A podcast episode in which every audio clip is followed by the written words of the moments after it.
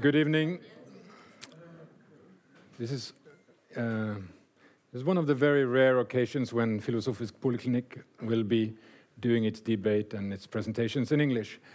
Uh, we will later, we will want everybody to feel free to, to take the word, and if somebody wants to speak in Norwegian, we can probably translate and, and make some sense of it. But in general, this evening will be in English. Um, and this is the last meeting in this spring series where the overarching topic is death. So, Philosophisk Polyclinic uh, is trying to to give medicine a wider scope and to give it more depth and to give it um, more awareness of all the strange and wonderful and dif difficult things that we should think more about and be open to surprises about. Eh, we have waited 20 years before we made this series about death, which is quite strange in a way. But it has proven to be uh, quite an interesting lens to look at our values, the meaning of life. Uh, life and death are complementary phenomena. Life wouldn't mean anything unless we had death. Um, but that, of course, does not mean that the meaning of anything is quite clear. So we can use these lenses as small places where we take the time to do some more in depth sharing of thoughts and um, do our little discoveries. So the first meeting in January was about the possibility of a good death. And we had a very good and very rich dialogue about that, where the conclusion maybe was that a good death may be possible, but it's not very common. So we, we will not, uh, we do not have the ambition to take away the darkness that surrounds death. Then later on, we have discussed how medicine tries to deal with risk, maybe going too far, and how people in general can maybe come to make unhealthy choices and decisions because they avoid risk. Maybe it is better to take some risk, even if that means that some people will die earlier. So these dilemmas are very much alive. Now, today's meeting about euthanasia um, is, of course, sort of um, addressing a debate that is probably about to not explode, but become more important in Norwegian society. And I've taken an interest in it for some years, and I realized, oh, it's so hard to figure out what to mean. And when I talk about it with people in Norway, many people have opinions about euthanasia, helping people to die. The opinions can even be very strong quite often, but the background for those opinions is not so strong. It's quite meager. Um, and maybe there is some prejudice, maybe there are some stereotypes, and not much experience. So uh, I have looked to the Netherlands, and we have in Philosophisk Polyclinic agreed that it would be wonderful to, to be able to invite somebody who really knows what they're talking about. So we are very fortunate to have somebody who has lived in the Netherlands for many years, um, who has witnessed a change in the culture that now nowadays uh, makes it a reality that in the Netherlands, more than 6,000 people die every year with the help of a physician, which is very, very strange, very far from our experience. But it happens. So tonight is an, an, an opportunity to, to listen to those stories from a philosopher and ethicist who works on a daily basis with these stories of people who uh, apply for this very particular kind of help. And um, we will have, after the introduction, we will have a whole hour to ask more questions and, and move further into the kind of curiosity that uh, these stories probably will arouse in all of us. So, hmm, yes, oh yeah. And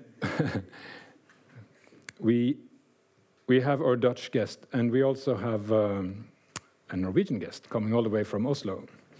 Amanda Shea, um, she wrote her um, master's thesis in philosophy last year here in Bergen, and her topic is Should euthanasia be legalized in Norway?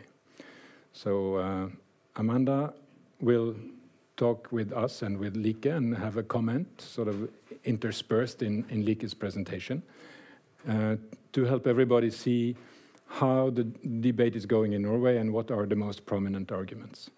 But first, we will hear something from Lieke, and you will present yourself a bit more thoroughly. Thank you.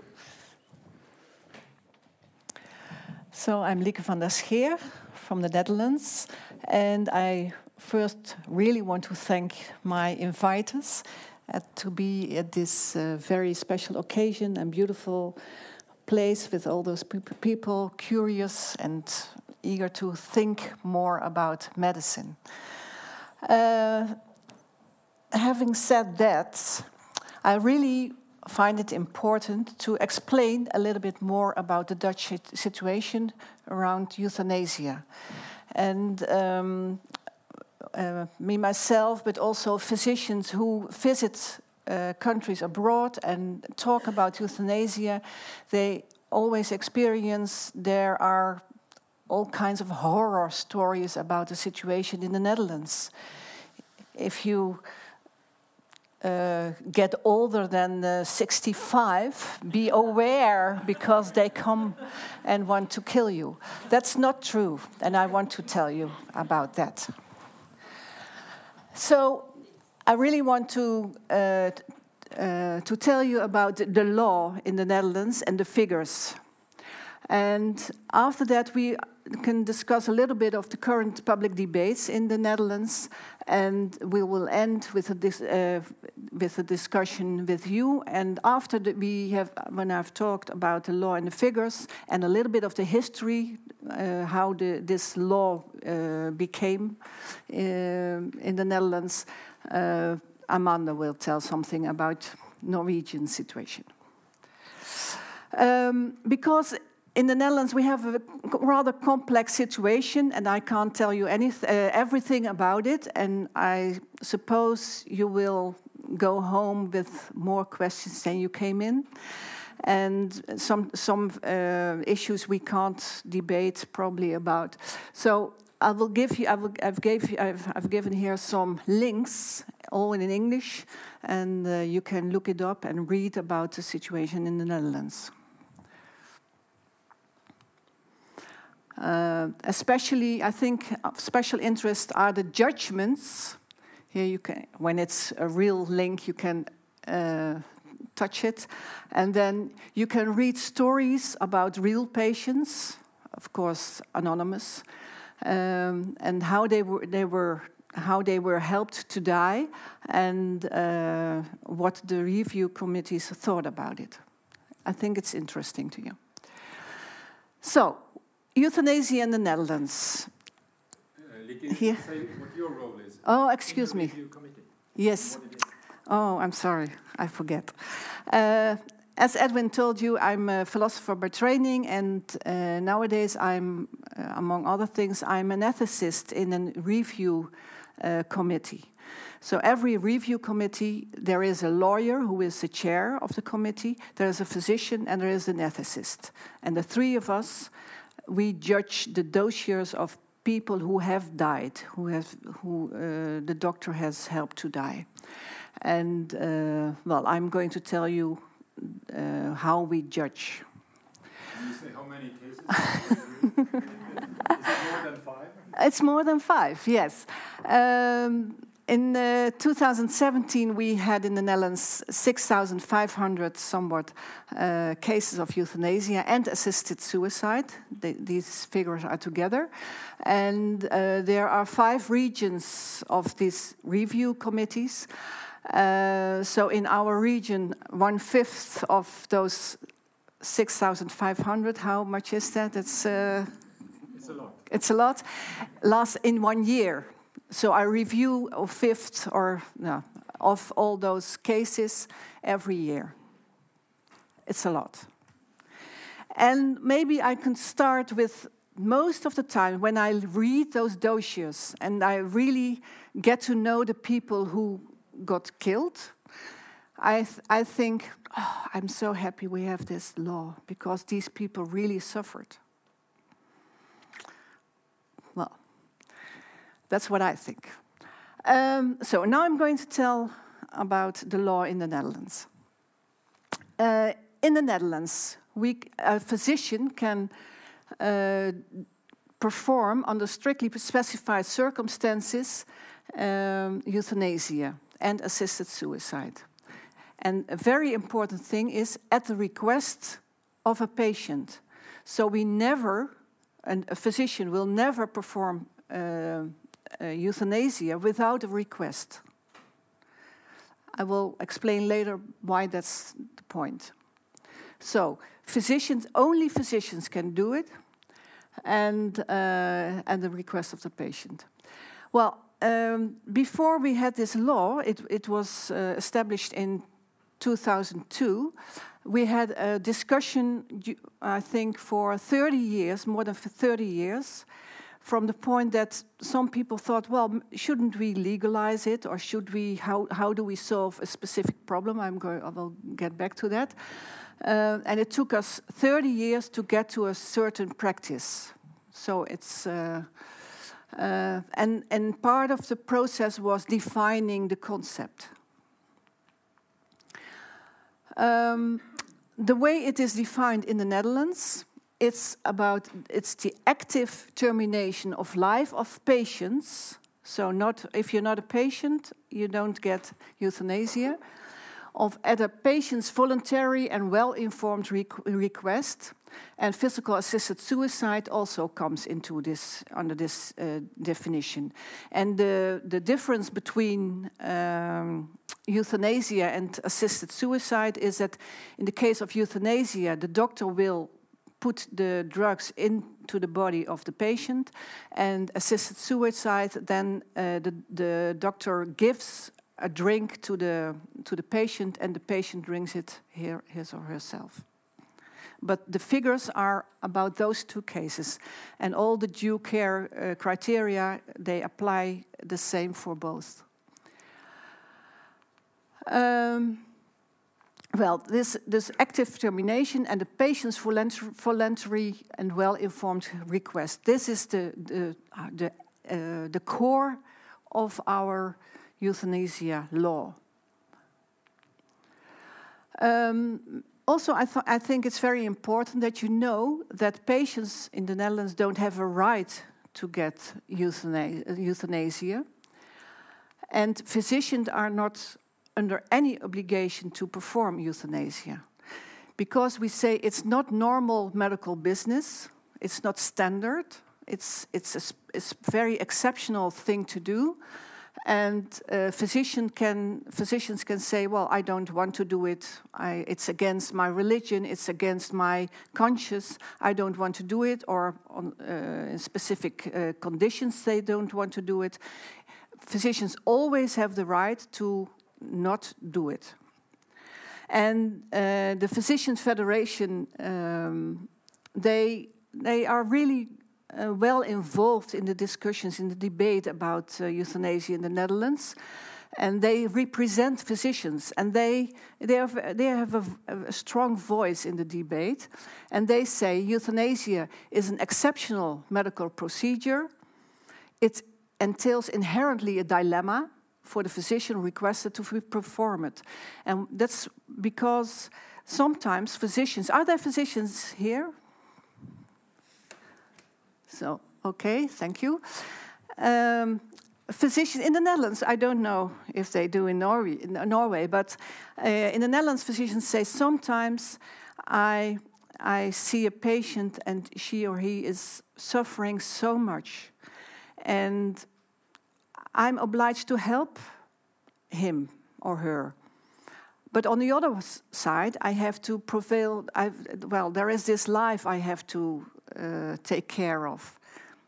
How can I do that to get all the, the both things together? It's it's a problem. So it's inherently a dilemma. It's never easy. and they say it will never become standard care.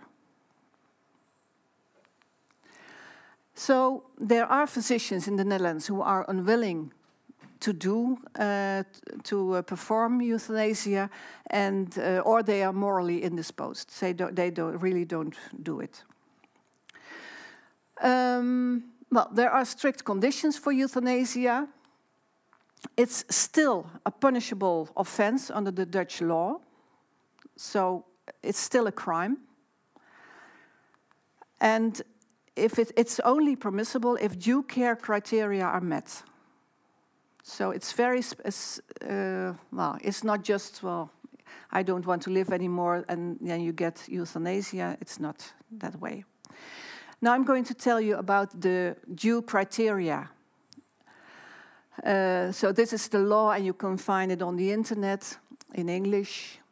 Um, a physician, before performing euthanasia, the, uh, uh, the physician must be satisfied. He must, he or she must be convinced that the patient's request is voluntary and well considered.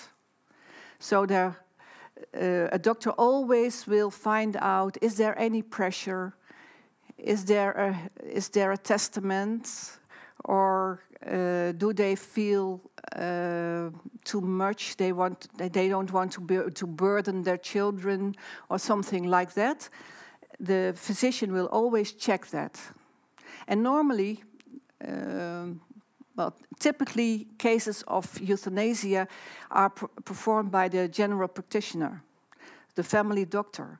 So it's not in the law, but the practice is that that uh, the general practitioner he knows the family, he knows the patient for a long time, and they talk about it. They do advanced care planning, and uh, they together they grow to the point where they together say, "Well, okay, we don't know any other solution." So, but one point is voluntary and well considered the physician also uh, must be convinced, must, he, he must be satisfied that the suf patient's suffering is unbearable and that there is no prospect of uh, improvement. And this is, a, this is a very central concept, unbearable suffering. So we don't have a list um, that only cancer patients or only uh, uh, terminal illness applies it's not the illness but the unbearable suffering that makes uh, that is a due care uh, criterion. Uh, the physician is uh, responsible for informing the patient about the situation and the prognosis.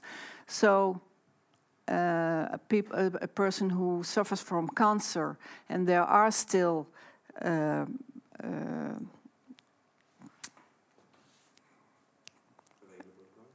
Hmm, yeah, what? yeah, hopes or uh, means to improve uh, treatments. That was the word I was looking looking for. Um, uh, the patient should be aware of that. Yeah. I know people will will ask you what does unbearable mean. Who, if you just mention okay. Sides, okay. whether it's unbearable or not. yeah. Uh, it's not the physician. The unbearable suffering, it's a, it's a central concept, and yeah, it's good you remind me. Um, um, well, there is a, a specific historic uh, uh, development, and uh, in the Netherlands we have said unbearable suffering. Well, it's a, it's a difficult concept. Who should decide? And in the Netherlands we chose that the only person who can choose or who can say, who can decide whether the suffering is unbearable is the person her or himself.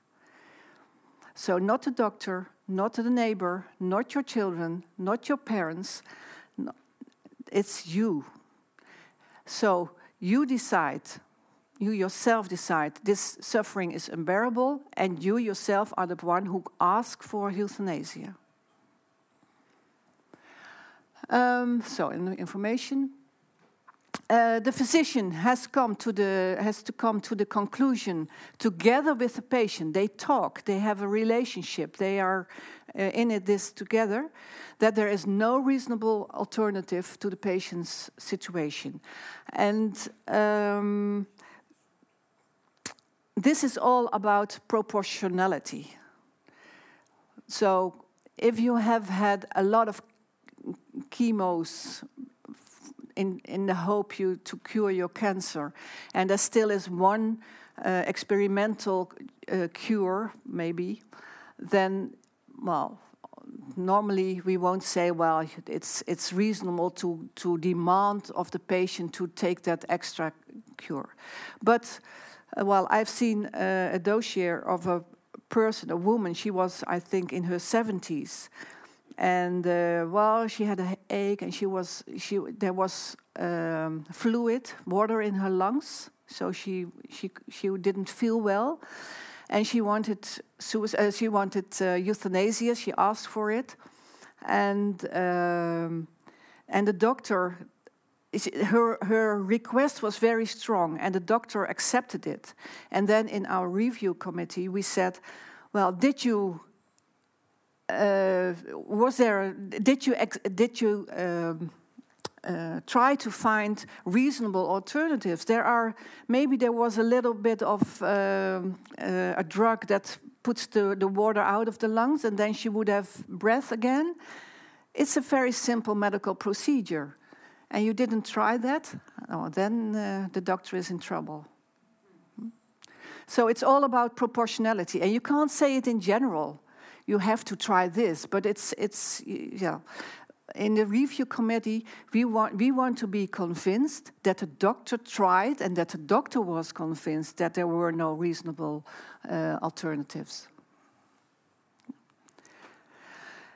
Um, and then another uh, due criterion is due care criterion is that the doctor has to consult at least one other independent uh, physician, and this other uh, physician, he or she should not be acquainted to the doctor who is performing the euthanasia, and he or she should not know the patient before. So it's it's uh, he or she the, the, this independent physician is clear, she's independent and talks to the patient. She has to go to the patient, she has, she has to see the patient, and she as well has to be uh, satisfied, convinced that all those due care criteria are met. If not, she will, uh, there, there will be a written opinion about these uh, criteria. And if not, uh, it's not forbidden for the physician to perform the euthanasia, but this physician will have a hard time to convince the review committee. Why didn't you listen? Why did you did disagree with this independent independent uh, physician? And um, well, if if the physician thinks everything is fulfilled, all the criteria are fulfilled, and she she decides to perform the euthanasia, it should be done in a proper way. So no dormicum, no morphine. There are specific uh, drugs to uh, to do this, and there's a guideline for that too. And after that, uh, the physician has to perform, uh, has to uh, report always this death by unnatural causes, because the dis disease didn't kill the patient, but the doctor did. So the doctor has to uh, report this to the uh, municipal pathologist, and uh, this person will gets the dossier. It's it's it's a lot of paper, and uh, and this uh, pathologist will send it to the uh, review committee.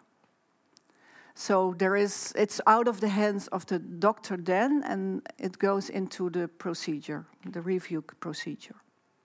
Well, um, there are not so many countries in the world well, that have a, a, a, euthanasia law, and the countries that have it, they have all different laws. Why do we in the Netherlands have the law we have? Well, I will tell you about that now. Um, it's in history. It's in the start of the. It's, it's after the World War II, and then. Uh, there were do doctors, well, before that either, I think, but uh, also then, uh, some doctors did end the life of patients. And um, nobody talked about it.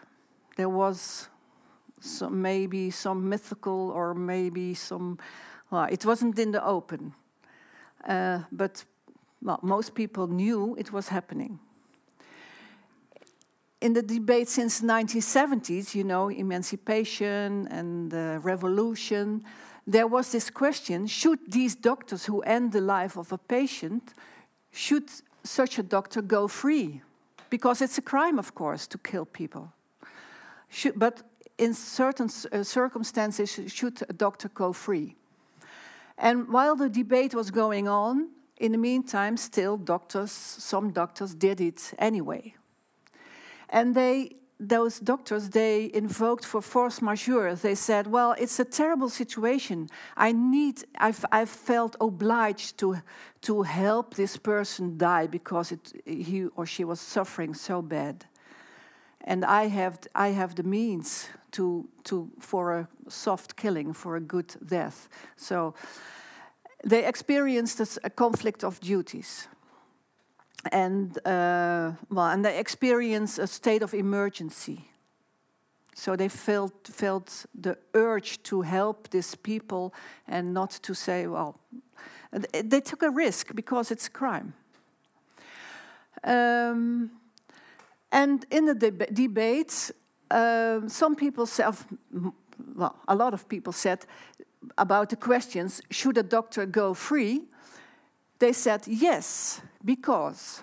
And then uh, it's because of modern medical technology.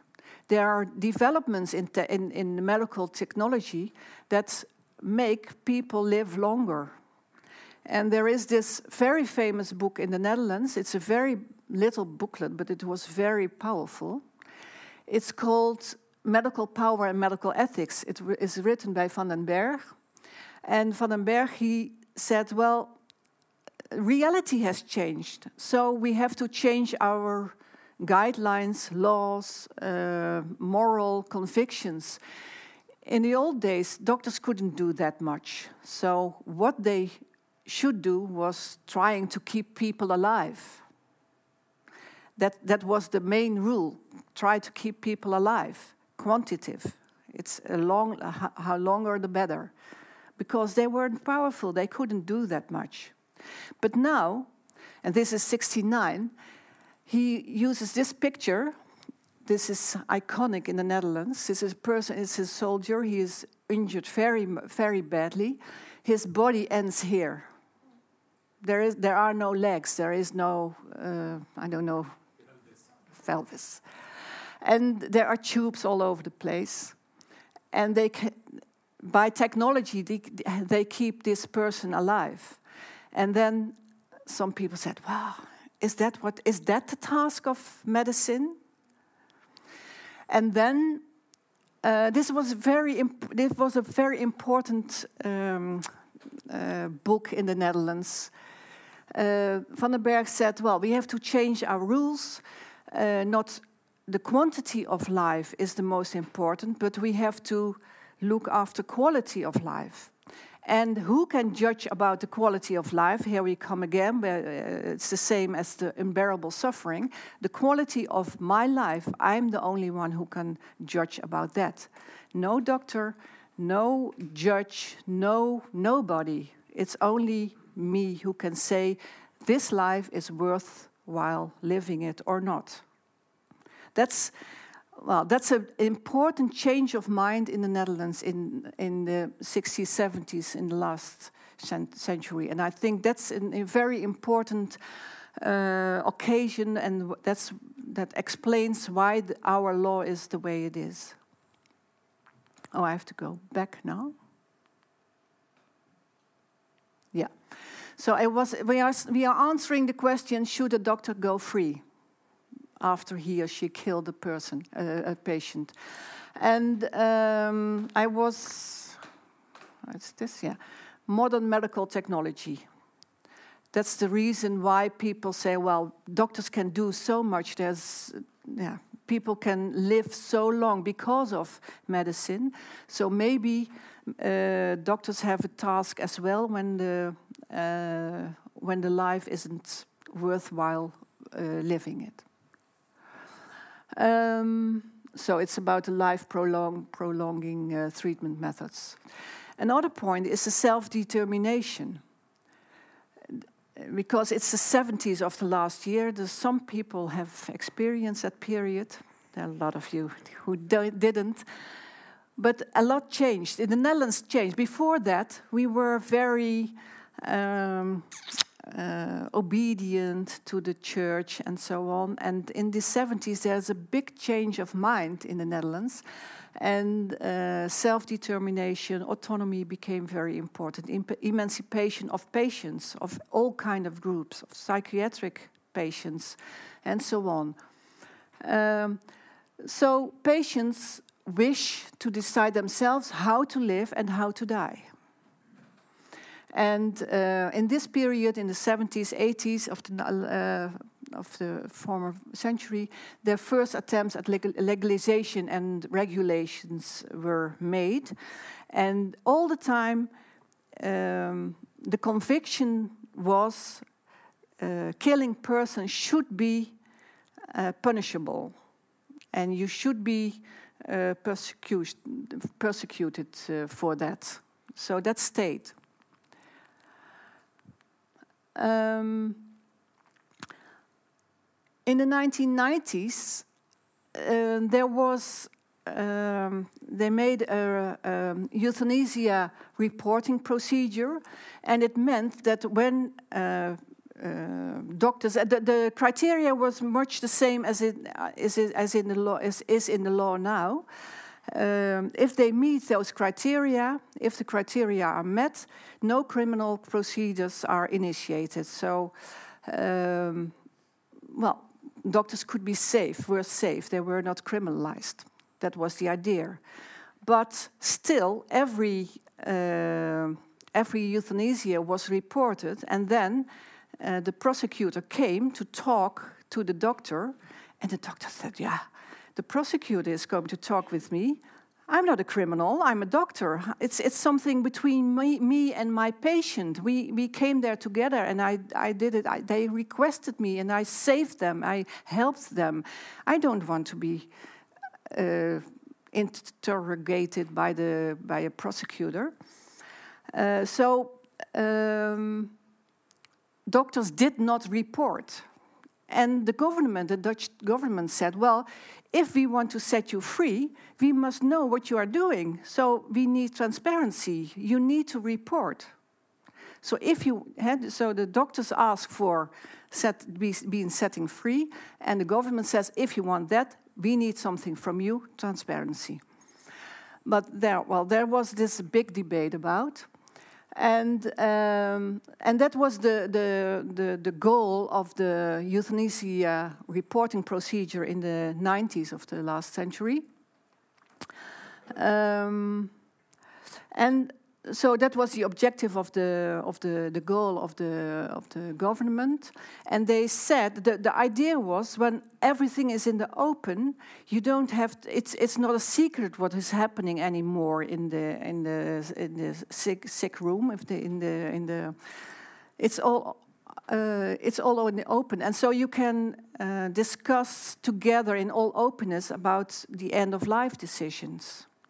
But well it didn't work that well and then, uh, because the, the doctors didn't want to be criminalized, and then in the 1980s, they, uh, there was this new initiative and uh, uh this proposal in that's and the, the main uh, difference with the, the, the, the uh, guideline from 1990 is the um, these review committees because the, these review committees they are a, a kind of uh, gate for the physician because if they meet all the criteria no prosecutor will uh, come to the to the physician So they are protected and they are decriminalized.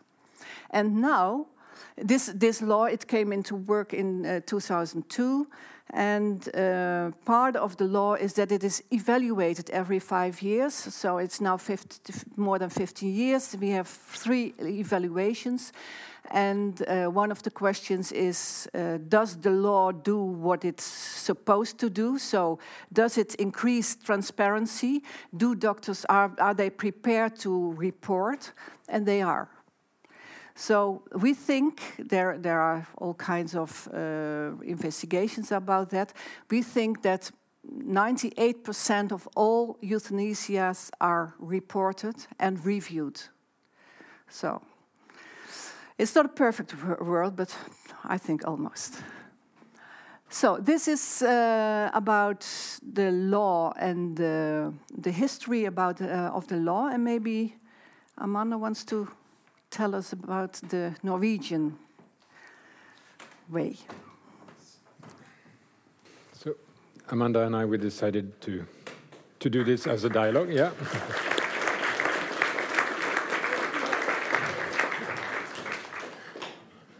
I guess that was not for us, but you will have the occasion to hear Lieke's quite soon again. Mm. But but it is a, a, good point to. Do you have that little thing? Oh.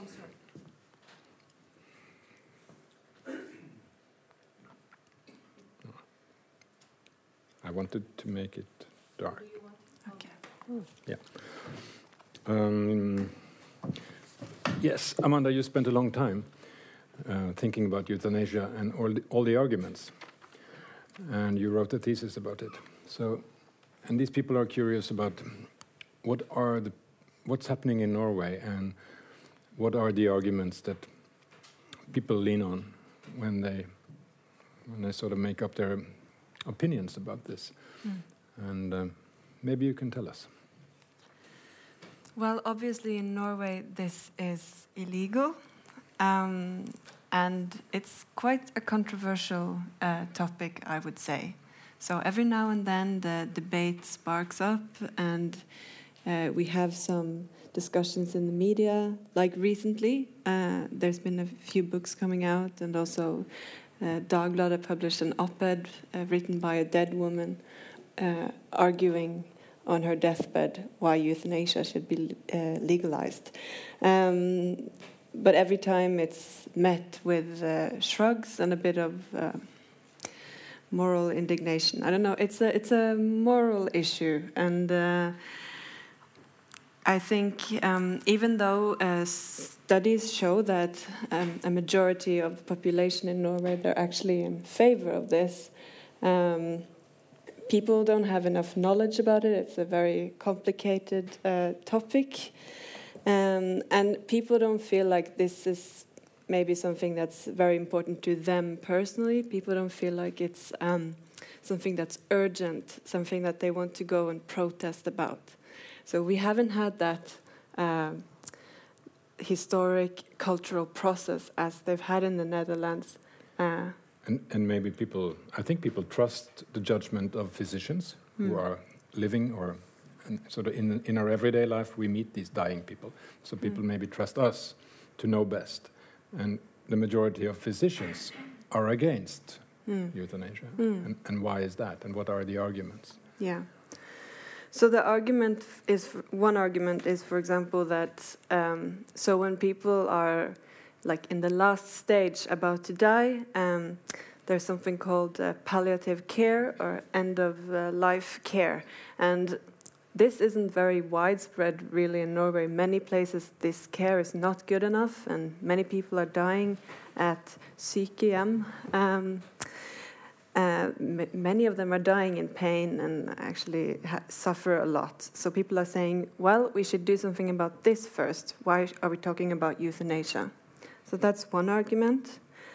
Another argument is that there's a big difference between like killing someone. Uh, by that I mean either giving them a pill that they die from or injecting some medicine into them which is what they do in the Netherlands, people say that's a big difference from what we're doing in Norway, which is we're pulling the plug, we are putting them in an induced coma, we are giving them very strong medication that a side effect could be that their life is shortened. Stuff like that we do in Norway, and they say this, there's a big difference between this ethically. Um, another argument is that, well, who should do this? You know, it's killing, so uh, who would want to do this? Uh, most people uh, that argue that this is a good thing uh, say that it should be physicians because they have this training, they're used to dealing with these kind of questions, they're used to talking with people in fragile situations. Um, but some people say that it's very much against the mandate of a doctor, which is to uh, uphold life. That's uh, their job.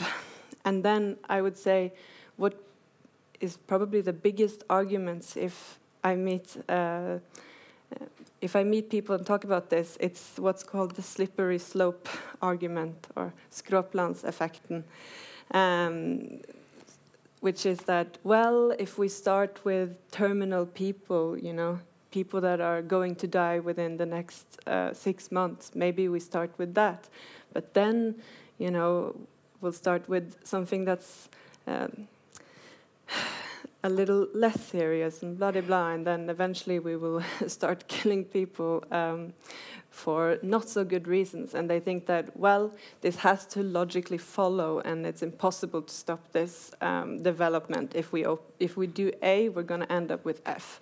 And that is one of the things that Lieke will address in, mm. in the remainder of her talk, and probably in the discussion too. We will mm. we will want very much to hear what's happening on the slippery slope in the Netherlands. Mm. yeah.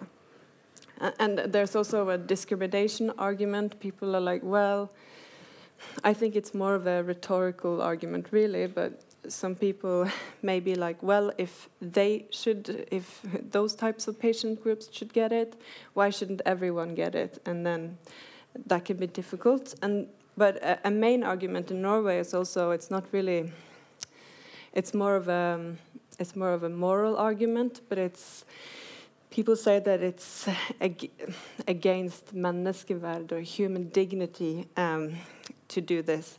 But they actually, on both sides, people are talking about dignity. So both the organizations in Norway working to legalize this uh, euthanasia and the organization working against all kinds of uh, liberalization so it's menneskeverd and retten to, til en verdig død. Uh, it all has to do with dignity. Uh, so, so they use dignity on both sides. Yeah. So they all say, well, we're gonna fight.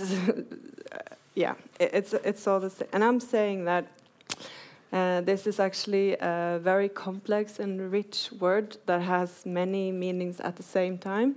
So dignity is um, the basis of the human rights. Uh, so the basis definition of it is basically that all human beings are worth the same. Uh, we have the same high moral status as human beings, and uh, nobody can violate that. Um, but also, it has some, in, at the same time, a bit of a different uh, meaning. Ah, uh, it also contains a sense of dignity. So, a need to behave and be treated in a certain way and thereby avoid humiliation and shame in relations to other. Uh, so, patients, when they lie so on their example, deathbed, yeah, lying uh, in the bed with, they talk about so why do they want euthanasia? A lot of them say that it has to do with my dignity. I don't feel like myself anymore. I feel like I'm losing myself.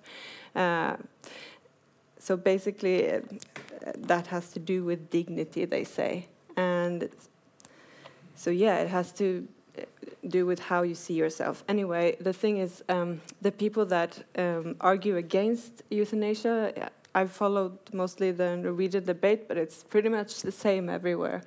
But they tend to focus on the narrow definition, which is about um, how we all have the same high status. And they say, well, if you you say that you can kill someone, then you say that they are worth less. While the richer definition says that, well, but one of the main things about it, about dignity, is that you have autonomy over yourself and you have to be able to decide for yourself what is important. So we also have the um, difference of opinion about whether quantity of life is most important or quality of life. There are people that uh, are skeptical about this whole uh, notion. They're very skeptical about um, people talking about quality of life. That that's important because they also th also think that well, then you have to say that some people's lives are worth um, more than others, etc. So in the Netherlands, as you say, um, they've just decided that well, it's the patient that decides that. But in Norway, they're like, well, someone has to decide who who should get euthanasia or or not. Anyway, so you have different laws in different countries. In Oregon, it's very strict. Uh, it's only terminal, uh, terminally ill patients. But that means that, well, many more than those that get euthanasia actually kill themselves every year. So there are. Um, I yeah. Think, I think this mm. is this is very good uh, because it reminds people of mm. most people have heard these arguments, but you mm. put it all together now, and it's uh, sort of a nice background for hearing more about what's actually happening in the Netherlands because you're dealing with the same ideas. Yes, yes. And, but it's a different practical reality. Yeah. Thank you, Amanda. I take a little bit of water.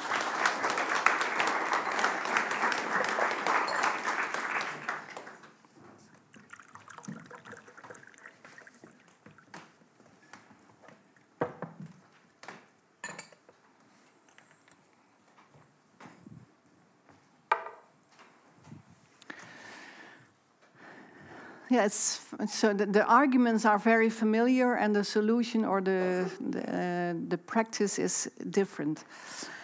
Um, well, this is a link again about the judgments where you can read uh, specific uh, examples of uh, stories that happen.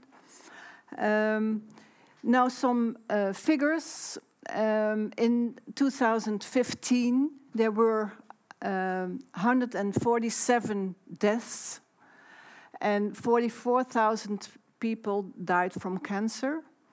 And in all those um, deaths, in 58%, there was a physician involved in some way. So there were decisions made about the end of life. And um, there was, what did they do, these, these uh, physicians? This is, this is just to show you that Dutch physicians doesn't, don't only perform euthanasia, but they do uh, different things too. Uh, they intensify pain and symptom, um, uh, try to, to, if, to, to get lost of that. Um, there's palliative sedation in 18% of the cases, uh, and four 0.6% euthanasia and help, and help, help with uh, assisted suicide. And in 17%, no, nothing was done uh, to, to keep people alive. So these are the four things you can do as a doctor at the end of a life. Now, euthanasia. Some people will say, oh, I, oh, whoops, Aha, uh -huh, slippery slope. The other way around. The first in, in 2000 in 2010 there were 3,000 and something cases of euthanasia. In 2016, 6,000. So it's doubled. Does this mean does this mean the slippery slope? Well, these are the, the figures. They're uh, uh, about the specific uh, conditions. I will note that. Uh, 2000, 2000, 2017, it was not in the figure. It's the 150,000 deaths in euthanasia, 6,585. This is the top, because in 2018 it has diminished a little bit. We don't know what is going to happen in 2019, it can go up again we don't know, don't, don't really know what has happened in those years. Uh, there are several um, things happening. First, people are getting older, so there are more deaths. Um, the, the, percentage didn't uh, equally rise. Um, and I also there is also there are signs that because people have experiences in their families, in their uh, surroundings of euthanasia, and they think, oh, that was a good death. I saw my I saw my my father die, and he suffered, and he he died so peacefully. That's the way I want to die. And um, because the, the, the patient has to, um, to convince the physician, there is, um, you have to, to work a bit to get euthanasia in the Netherlands if you are a patient. So we expect, I expected that the people who got euthanasia were white, well educated, uh, talking well, and um, well, that's that's proved not to be true, because it's it's a quite of kind of kind of democratic uh, procedure that uh, everybody can have euthanasia. It's not a specific group of the population. Oh. Well, what are the nature of the conditions that uh, are euthanized. The biggest group is incurable cancer and neurological disorders. This is the big blue part of this figure. These are people uh, terminally terminal ill. Uh, all kinds of diseases, but they would die anyway from their disease, and they didn't want to uh, to live the last part and suffer a lot. Um, for, for us, maybe it's not so good to say that, but for us, these are the straightforward cases. Because people are, they, they, they, have, to met, they have to meet the due care criteria. As eh, they have to, there has to be unbearable suffering, no alternatives, and so on. You've seen those criteria. But almost 90% are those people. Then I turn, now I turn to absolute numbers. Early stage dementia, 166. I will get to that. This is dementia and early stage dementia. It's, it's under debate in the Netherlands. There are not so many physicians who want to kill a person who is not going to die uh, anyway. Ah, we are going to die all of us are going to die. But not, you don't know, it's not in two weeks or three weeks or so, maybe. You don't know. But early stage dementia, and people, uh, well, I come back to that. Advanced dementia, three. And these are the first three in, this 15 years that the, the law is existing. Um, and because I, have stressed that this self-determination is so important, it's, it's, it's at the core, the unbearable suffering and self-determination is in the core of the, of the law. Advanced dementia, who is talking? You don't know. You is the person there's there, you, you use an advanced will so you have written down when i don't know my children anymore and if i'm suffering and i please perform euthanasia. But then this advanced will only gets into gets to work when you can't say anymore, yes, and now is the moment I want to die. So physicians don't like to do that. They they well, if people really can't say anymore, yes, this is the moment and I really want to die, physicians don't like that. The, the, the law makes, makes it possible, but it's complicated because we have this advanced, advanced will, people have written down, but they can't uh, affirm that, it's, that, that this is what they mean. So this is on debate, and well, you see not so many cases in the Netherlands. Uh, psychiatric disorders is a problem too because these people are not terminally terminal ill, so they are not going to die very soon, probably. And um, and also the, the reasonable alternative. Some psychiatrists will say, well, you always can try.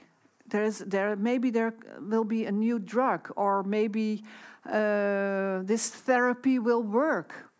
and sometimes and they come up and uh, it's true they come up with a patient who was uh, had a depressive disorder for 20 years and then this new therapy came up and then the therapy the depression is lost and they say oh i'm so happy i'm still alive so this is a very difficult these are difficult uh, cases to uh, to perform euthanasia. And this here's debate, and, and especially physicians are very uh, reluctant. They don't want to do that, but it sometimes happens. And another uh, uh condition is multiple geriatric syndromes. People get old, uh, they get problems they don't see very good anymore. They get a little bit deaf. They can't go, they live in an elders home, maybe. They can't, can't go down because uh, if there is a lot of noise, they don't hear anything, they don't see who, who is talking to, the, to them, uh, they can't read anymore, they can't listen to music, uh, they can't make their uh, crossword thing they used to do or, or the knitting. Uh, and they say, well, it's, it's not, it, these are not really uh, severe disorders, but is it enough to kill, to, to let somebody die, to help somebody to die? Um, well, yeah. This is one year, yeah. In the Netherlands, we have almost uh, 70 million people. So I've learned three times as much in Norway. So you can you can figure out what it would mean in in Norway. I think uh, our population is as healthy as uh, it's comparable. I think. Yeah. So these are numbers, these are figures, and um, the the debate is about early stage dementia, because you can people say, well, I'm not when I'm really demented and I don't know anymore where I am, I can't ask for it, and um, um, and they die prematurely, uh, they die too early because of fear of being late, so they can't ask anymore.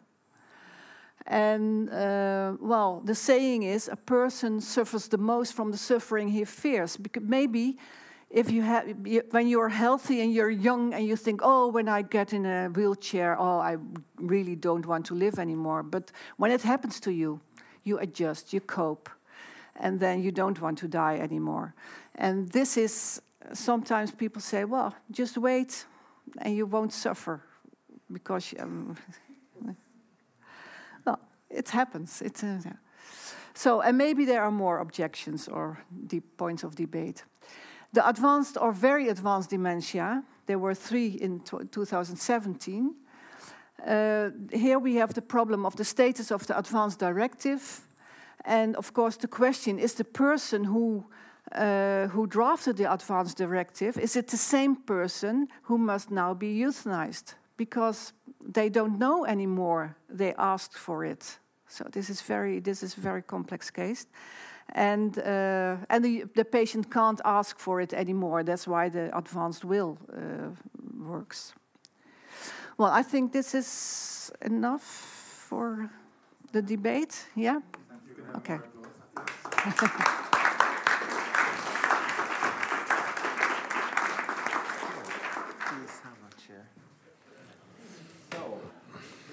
Mm -hmm. Just organize the panel here with. Um, even switch on my clock. So now we've heard, we got a lot of information, a lot of insight. Uh, you were impressively on time. I forgot to present myself, and now you did the same. Yeah. Yes. It's because we're in Bergen. Everybody knows who I am anyway. Okay. okay. So, but for Maybe the two one people who doesn't know who I am. Yeah, yeah. Uh, this is Edvin Schei, and I am Roger Strand. Um, and we are board members of Filosofisk Poliklinikk. Yes. We have 61 minutes uh, for um, debate, discussion, comments. I wonder if we could adjust the lighting slightly so that if we have slightly more lighting in mm. yes. I, and oh, it was dampened here as well, so now the eyes don't burn anymore. It's good. Um, I have a suspicion that a lot of people would like to um, uh, ask questions. Uh, so just if you if you watch British news right now, you know that you have something called indicative votes. So just as an indicative vote, prøveavstemning, who think you're not signing up now? Who think perhaps you would like to say something in the course of the next hour? So just a rough idea. Long hands, so we can see how many it is. Right. This is what I suspected. So we're going to have a long night. Thank you. uh, this also means that I would like to encourage everybody to be quite concise. That will be uh, good. And we will take some comments and questions. Uh, and we can't really have the panel answering everything because then we will have time for three questions. So we'll take a couple in, a couple in a row, unstructured, and then we will comment at wish. Yeah? So who would like to say something first? Yes, that's you. Uh, so there was recently a study in Norway that about 20% of the Norwegian doctors are in favor of euthanasia in Norway. And uh, I think that that is, may, might be due to that the, these are the people that have to perform euthanasia. Uh, and then I was wondering how many of the doctors or how many of the GPs in the Netherlands do actually choose to perform euthanasia in, on some patients? C can we just hear where you come from? Or? Yes, I'm a medical student here at the university in Bergen, and I've also been in the Netherlands um, in GP practice there. Okay. Would, Do I answer would now? you like to answer yeah, that I, question? well, I'm sorry, I don't have the figures uh, here, but I think it will be more, but it's not 100%. Uh, my, oh, I would, as, well, I think 60 percent or something. I wa- I was giving uh, a talk in a, in a conference for general practitioners, and there were 50 people present, and I asked how many physicians here in, the, in this room uh, will never, they, they say, I will never uh, perform euthanasia, and there were six out of 50. So that's 10%, but then th- there were general practitioners who do the most uh, euthanasia in the Netherlands. So if you have specialists in the hospitals, it will, uh, well, there will be more doctors who don't and less who will. It gives an idea. Thank Yeah. you. We'll take a couple of more. Eivind. I'm uh, Eivind Mæland. I'm a board member of Filosofisk Poliklinikk, and I'm a general pra- practitioner here in, in the city. I'm an old man, but uh, I still remember the 70s.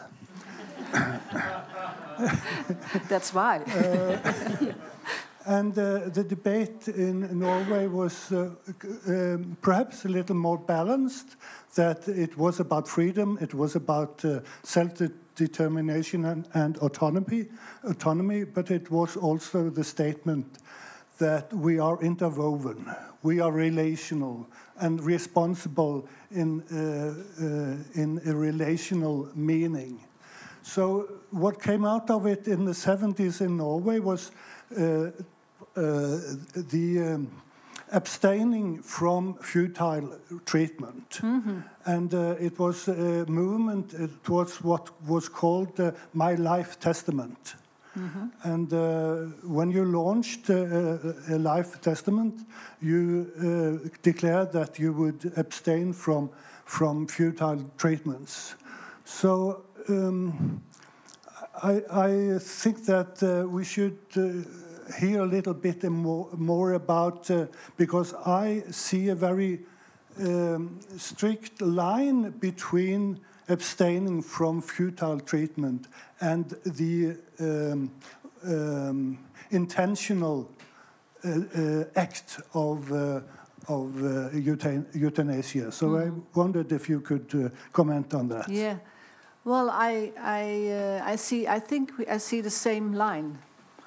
So in the Netherlands, also there are people who, your, we have a law, which is a very strange law. I always think, but it's maybe it's good.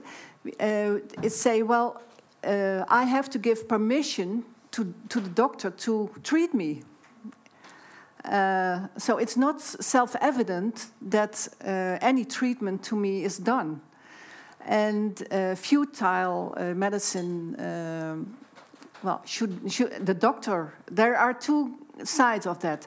The doctor can say, I will not perform that because it's futile, it's, it's use, useless, it will not help you. It's, it's not going to help you because you, you have a different disease or uh, reanimation. Uh, I can reanimate you, but, uh, but I will break all your ribs and, and you will get out worse. So you don't, as a physician, you don't have to, to do this futile, futile medicine. And as a, as a patient, I can say, don't touch me. I don't want your treatment. But this is, uh, for us, is beside euthanasia. It exists uh, together. Thank you. Uh, you also have to wave if you want to say something. Yeah, you. or you just say something without waving. um, we have. Yeah, so I just wondered um, did the suicide rates go down because of euthanasia, or is it the same? Yeah. Um, I don't.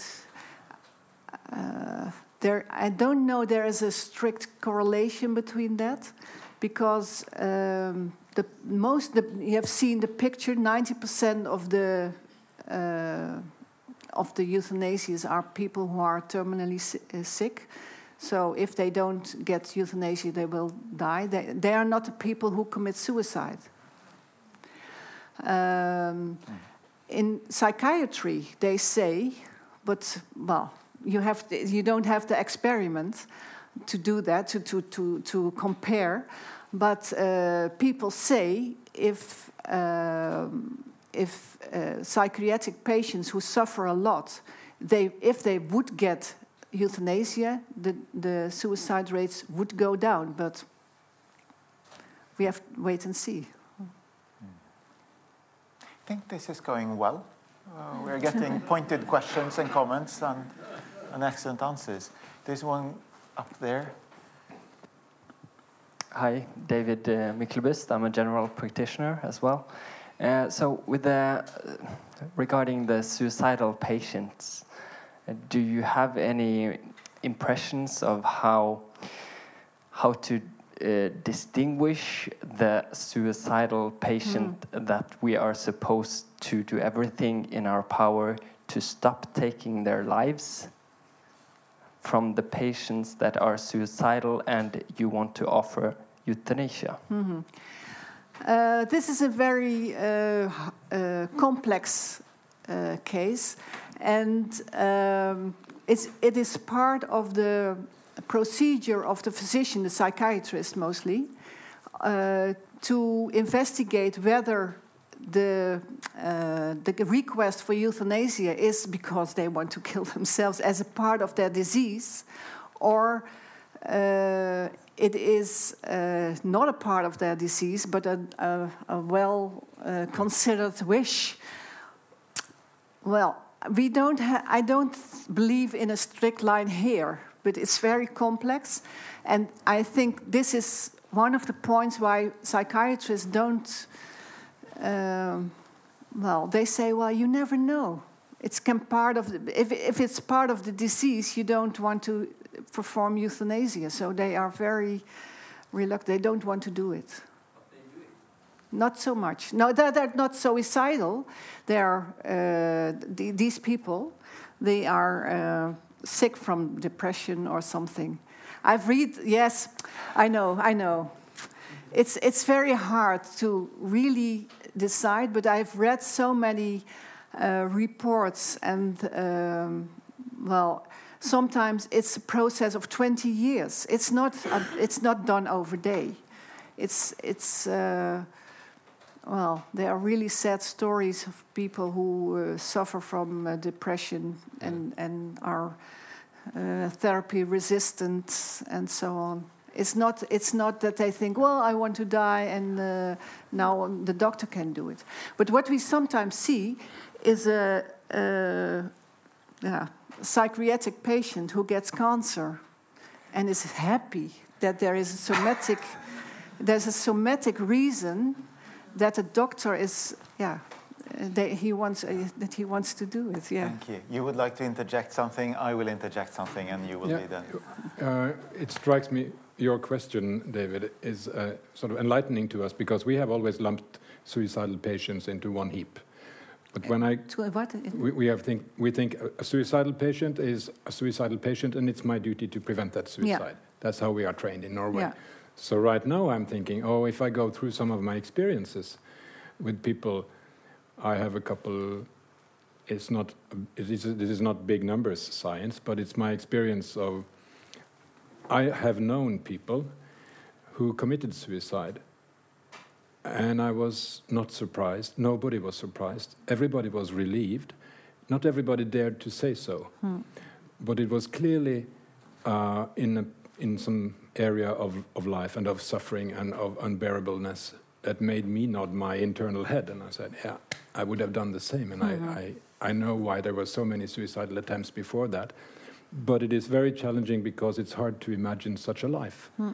And you tend to project your own things on other people's lives. And, and that's one of the good things about having been a doctor for more than 30 years. You have been surprised thousands of times. And, and this is an area where I cannot apply my own values and experiences and sort of tell what is unbearable and what is so and so, but I can recognize that some people are living in a dark place. Yeah. Yeah. Thank you. I think uh, I, I just wanted to observe that we are touching upon what you actually said in your introduction, which is that there are inherent dilemmas here. Yes. Mm.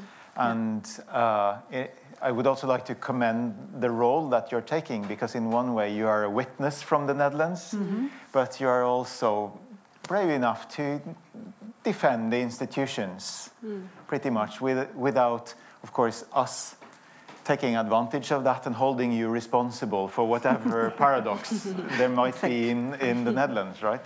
There are paradoxes. Yeah. Um, we have We, we- fortunately, we have no paradoxes in Norway. no. Good This for is you. We're not of the- going down that slippery slope. It's because of the oil money. We have bought ourselves out of the paradoxes. Okay. Yes. I think you've done a good job with your Yes, own thank money. you. Hi, my name is Christine, and I'm a psych- psychology student here at the University of Bergen.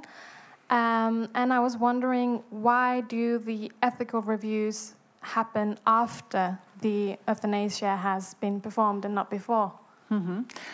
Um, um, many doctors would like us to, to give, to, to approve before. But, uh, well, the logic is it's a crime. You have to perform the crime before it's reviewed. And the other thing is that um uh, before the, this independent physician uh, will uh, review a kind of thing, and you know what is the, what the you know the law, you know the criteria, so and we publish all the all the the judgments we have. There is a booklet with all the rules. It's complicated still, but um, well, if you want to perform a euthanasia, but, but people, the doctors don't do it so often, so it's all, always new. It's always heavy. They they suffer from it. It's it's a it's a burden. Um, but well, if you pre- prepare yourself, it yeah, you should be clear that um, when it is allowed and when it's not. I, ha- I had the same question Yeah. when we talked about this. I think it's an ingenious detail, actually, Yeah. keeping the doctors accountable. So uh, we have, I think somebody, bef- is Ole Fritjof now? Yes? Yeah, please. Okay, I'm uh, Ole Fritjof. I'm uh, Ole Fritjof Nord. I'm a professor of ethics here at the university. I have a question for Amanda. Um, do you have any thoughts about why the politicians and the political parties are against legalizations, while it seems like the there's a majority majority now of the population who are for? Hmm. Yeah, it's it's because it's still controversial and still people are not demanding it. They're not going out protesting as with we all know how people feel about the abortion question and how much they react uh, to that even now.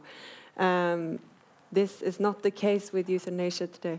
And it's so controversial, and like the minority of Christians in Norway, um, they have huge impact. And I think basically uh, the two main parties in Norway, are Arbeiderpartiet and Høyre, uh, well, it's not. Uh, this isn't going to be an actual debate before they start uh, discussing this seriously.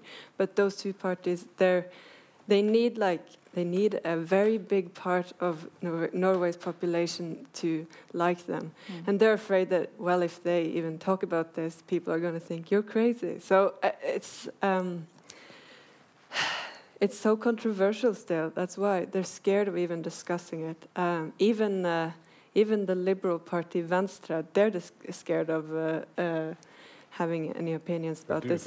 Is it tactical? It's simply because they have nothing to gain in, yeah, in an election. It's it's cynical. I but I also think that um, yeah. Um, people just don't think it's important enough, so it's not important enough to risk anything. Uh, so yeah, this is this is politics. Uh, I mean, people are afraid of having opinions about the EU, so obviously they're going to be afraid about about this. No, but it's yeah. yeah. Carolina. My name is Carolina Engen, and I'm a board member of Filosofisk Poliklinikk. So last year, I was lucky to have some really rich and uh, long conversation with a good friend who was dying from uh, esophageal cancer, and he passed away this Christmas. And he was from the Netherlands, and he we had some long talks about um, about death, but also about the culture where he came from, from the Netherlands. And he opened up some perspectives on euthanasia that I hadn't really thought about because in one way, euthanasia is a alternative, a clinical alternative. So as a, a doctor, that you have something, you have a, a, toolbox of things that you can offer to, to your patient. And euthanasia, it kind of opens up a possibility of having something to offer for people in a very difficult part of their life. So having euthanasia in your clinical toolbox, it opens up a space where you can talk about and plan something that is perhaps difficult to talk about in general. And that was his deep experience from uh, being in contact with the Norwegian special healthcare system. That even though he had a terminal diagnosis that he would never recover from, it was difficult for him to have conversations with his treating physicians about what was laying ahead of him. Mm. And they had a constant focus on treatment and prolongation, while he tried to open up a space where they could talk about quality. So I'm curious about how this added tool in the clinical toolbox have um, have changed how the Dutch culture for talking about death, planning for death, uh, has has changed, or how it has been influenced. Mm -hmm. Thank you for this beautiful story, for sharing it. Um, well, I think also in the Netherlands there are a lot of physicians who want to do something, who want to to cure people and to yeah, they are very activist. It's it's an activist uh, profession in the Netherlands too. Uh, but now we have uh, this 15, 16 years of this new law. I think I see things change. Um, probably it's not only this law, but well, I like the metaphor you use. It's a toolbox. For some physicians, it is it is a, a tool he or she can use, but some physicians don't do it. But if they do it, it's a tool you, they can use. And um, um, well, we have this law, but we also have uh, uh, yeah so, so, many treatments that keep people alive and alive and, and yeah. so this together changes the world and now it's it's very important the advanced care planning to uh, discuss how you want you are going to die we, we, we know that you have a lethal uh, condition uh, so how do you see how do you think about the end of your life it's it's part of the of the normal. It's getting more normal to discuss it. Hmm. Yeah. would you say that the taboo that always surrounds death has diminished? Diminished. It's not gone, not gone, but it's diminished. Yeah. Mm. Okay. It's also it, it's also in care for elderly people. It, it it becomes more normal to stress that um, of to, to focus on the end of life. People, you don't live forever. So it's it's more. It's not only euthanasia, but all, talking in general about the end of life. How do you see it? How do you want it? And uh, so, sorry, it was. Thank you. Yes, please. Hi, I'm Helga. I'm a medical student here in Bergen. Um, it's maybe not a question, but just a, a comment or something to think about. Um, like you said that um, being able to help people die should be a part of the clinical job, uh, that it's the doctor's job to do it. And I want to question that because I think we're not uh, we're not the ones giving life, and so why should we be responsible of taking it? Hmm. We can't uh, make uh, life happen as humans. We can maybe produce, or we can do um, eggs or, or make eggs in uh, sperm cells. Um, uh, fuse and become a baby, but we need a, we need a human person to to make it uh, live. So why should the doctors be responsible for this thing? Maybe it should be someone else's mandate to to take Mhm. the life. We And are already. yes. I'm just.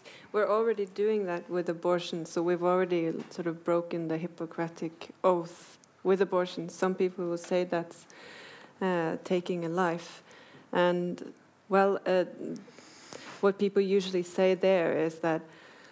Um, well, uh, they may maybe wouldn't have done this themselves, but they're going to respect that other people uh, are doing it because uh, the alternative can have can be worse. Uh, so maybe that's something, but but it's definitely a difficult ethical question. But maybe some people would say that it should be a, an individual choice, and also uh, for the doctors Mm. if they want to do it. I think this is on debate in the Netherlands too. And, and there are a lot of physicians who say, Why should I do this? I don't want to. And that's, I think that's the, the, the Dutch solution. You don't have to. Yeah. Yeah. And, and, well, and, and well, part of the answer is that physicians have, well, it's a metaphor, they're key of the drugs. Uh, of the drugs, Yeah. so they don't. They they have the means. So they're unlucky, maybe.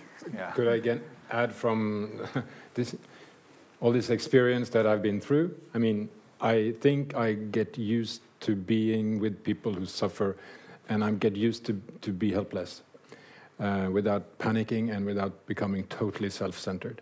So I, I'm, I find myself able to be there while horrible things happen and still focus on the other person. And I think that's not Edvin, that's the physician. So that's also maybe part of the answer. Uh, we are trained to be in that room where people suffer and die. I think still this is going well. This is not a consensus meeting. So, so I think we continue with launching like the, uh, your question or comment, which is a philosophical issue, and we have had psychiatric, psychological, medical issue. I think we just continue like this because it's not a consensus meeting. I don't know what to think about these things, and I don't uh, think it is a good idea for me to try to know what I think about it when I go home tonight. So I think we just continue bombarding ourselves with relevant aspects of this very complex issue. So there are more hands all the time. Very good. I have four now. One, two, three, four, something like that. And Caroline, you are you decide, of course. Uh, my name is uh, Gjelle. I'm. Uh, uh, I saw my parents die, and uh, after that, I'm strongly in favor for euthanasia because of um, um, the, the suffering the last few weeks, and that suffering was in a kind. It, it was a kind, uh, textbook ex- example of a patient kept alive through crisis after crisis after crisis, and in the end, had to suffer for a few weeks. So a few decades ago, they would die much earlier, and that would be it. So uh, uh, this is a dilemma because of the treatment is so good. So it's not about gi giving life; it's about prolonging life. Yeah. Thank you. Thank you.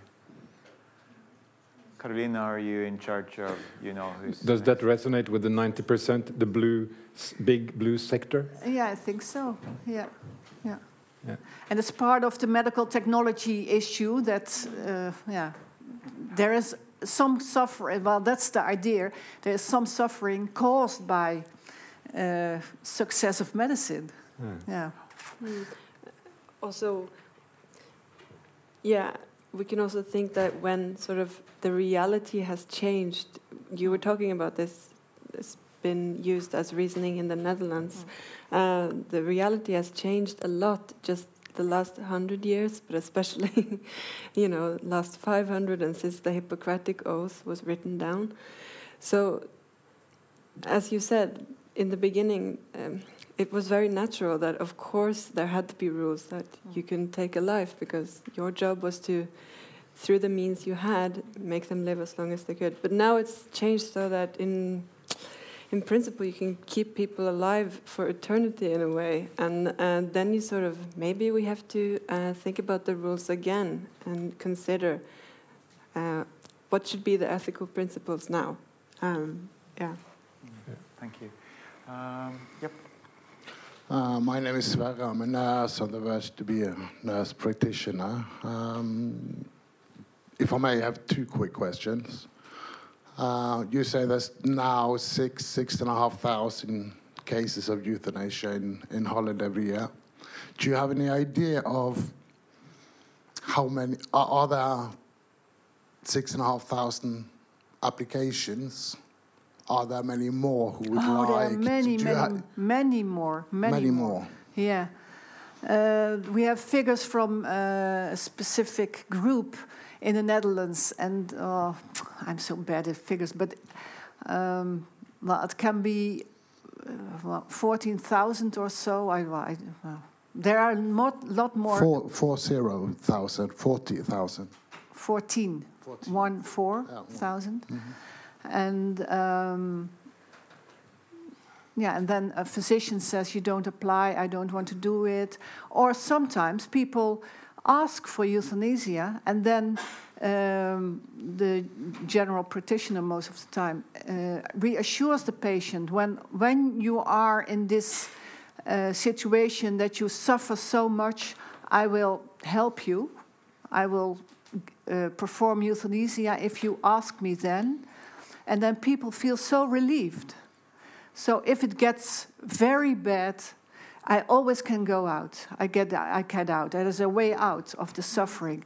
And they just die naturally. Mm -hmm. Sometimes the, the, procedure is very far already, and then, uh, well, they die naturally.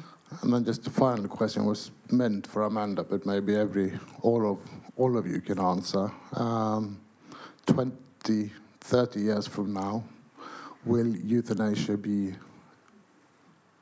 a Norwegian thing? Will it be done in Norway? If it's legal. Legal in Norway?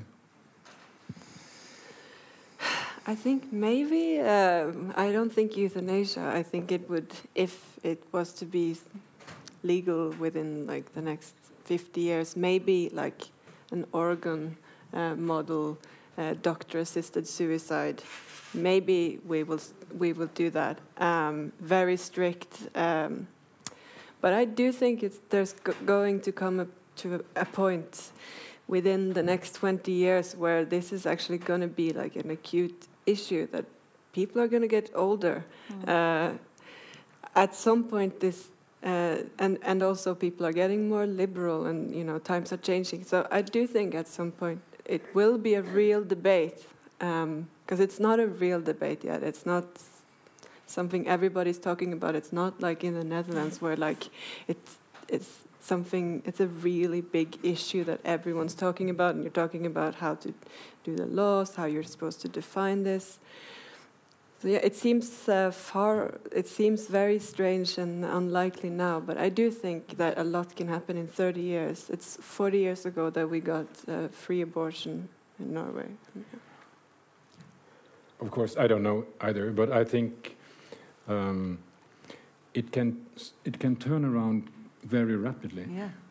Uh, Van den Berg's book Mm. made a huge change, and I knew about that book. I'd read about it, Mm. and and it's uh, one of these stories about how stories change history. Mm. So, if you the stories of your parents, if they had been sort of blown up and made as part of the common discussion for a few weeks in Norway, or the lady who wrote in Dagbladet, Mm. um, the, it's the power of those stories to change people's minds, uh, and that is, in a way, unpredictable. But I think it can happen, and I think it ought to happen, because many people are living in dark places, and those stories are kept there, and doctors move in and out, nurses move in and out, and they don't. Uh, they don't um, create anything. They leave those episodes of suffering, 6,000, 14,000, whatever, many hundreds at least in Norway, and they don't aggregate. So there's no power until they are told. And as for politics, some of us will remember that one patient boy in Norway led to the change of a Norwegian law in parliament within a matter of weeks, actually, some years ago, the Mehmet case. But prioritizing. Uh, even against the will of uh, Kristelig Folkeparti, so it, it, it, it, it, it can happen, actually. Um, I think we should try to take a couple of comments in a row because you are multiplying now in your um, autonomous will of expression. Yes. Do you have any clue of whose, whose turn it is? Yeah. The one who has the microphone. Uh, I just have a question. Uh, what is the average age of the patient receiving euthanasia? That's a quick one. You can Yeah, answer that well, one. I don't exactly don't know exactly, but it's there are mainly older people and well, in and, well older from 50 on up. The, well, the, you saw the, most patients have cancer. So where where are the figures of cancer in you know beyond 50? Please. Yeah, I had almost the same question. What is the age limit for having this done? Oh yeah. Um, um, normally it's uh, 16 because you have to be mature and you have to make up your will. 16 is young. It hardly ever happens. In my career as a member of the review uh, board, which is five years now, uh, we had one case of a child, of a well, I would say a child, 16 year old, uh, who suffered from cancer and all kinds of things. But uh, the law applies also applies to children from 12 to 16. I think, well, har- well hardly ever done, but um, the rule should was, uh, is that um when the child and both parents do the request and they are together, um, and uh, well, and all the all the rules uh, apply, then uh, a physician could do it, but it hardly ever happens. So these are we are talking about severe, sick, ill children who are going to die. And. Okay, um, I just have a comment. Um, I work as a nurse in a nursing home, different nursing homes in Bergen, and I, we deal with death all the time. I mean, basically, nursing homes are places where people come to die. They don't just come to live there like they did before. Now that it's like a death camp. Mhm. It's what we're kind of joking with. Um, and we see death all the time, and we are used to death. And we try. You said that palliation is not that good in Norway, but it's getting better. Yeah. Mhm. Every year it's getting better, and even we have stopped giving antibiotics as much as we used to do. Uh, we don't give food um, like before. We used to kind of feed them, and they had this uh, fluid in their uh, their lungs, and we kind of just put more suffering onto them because we were listening to uh, pårørende, um, Relatives. relatives instead of the doc. uh, It's like I'm saying the doctors have become more um, brave. They Mm. kind of take more charge than before, so that is good. But I'm thinking, even though I'm used to death, like every every week I have somebody dying, but it's the, and every time I'm thinking like if we could, I would do it. I would perform this euthanasia. Yeah, but still, it's not easy. It's like you said that the more you see it, like the man's parents that died, even though you see the, the suffering, it's not easy. Hmm. It will never be easy. And I'm thinking maybe maybe the nurses should do it because we are the one who is there with them all the time. Sometimes I feel like the doctors are more afraid of death than the nurses. Hmm. Yeah, it's just my yeah, Mm. my experience. Not you. You seem like you're okay. but like if we have you. the doctors that come from this uh, legevakt, you know, sometimes they they they kind of don't. They're afraid of talking about that. Mm. They just want to talk about um, treatment. And I just say, I just want to give them morphine because she's actually she's dying in two weeks. You would be dead, but they don't want to talk about it. Yeah. Thank you. That's one of the reasons for having Filosofisk Poliklinikk, Mm. to raise awareness. I was just going to say in Canada, the nurses are also. Speak up, yeah. In Canada, as far as I know, as far as I remember, nurses can also uh, perform euthanasia. So uh, there are different, as you said, different rules at the different places, and mo- more and more countries have in recent years liberalized their laws. So if we were to discuss this in Norway at some point, we could, uh, you know, do it the way we wanted to um, and talk about everything. But yeah. Just before we give the uh, word to you, can those who have already registered for the microphone just put their hands up again so that Carolina can have a firm look on me? One, two, three, four, five.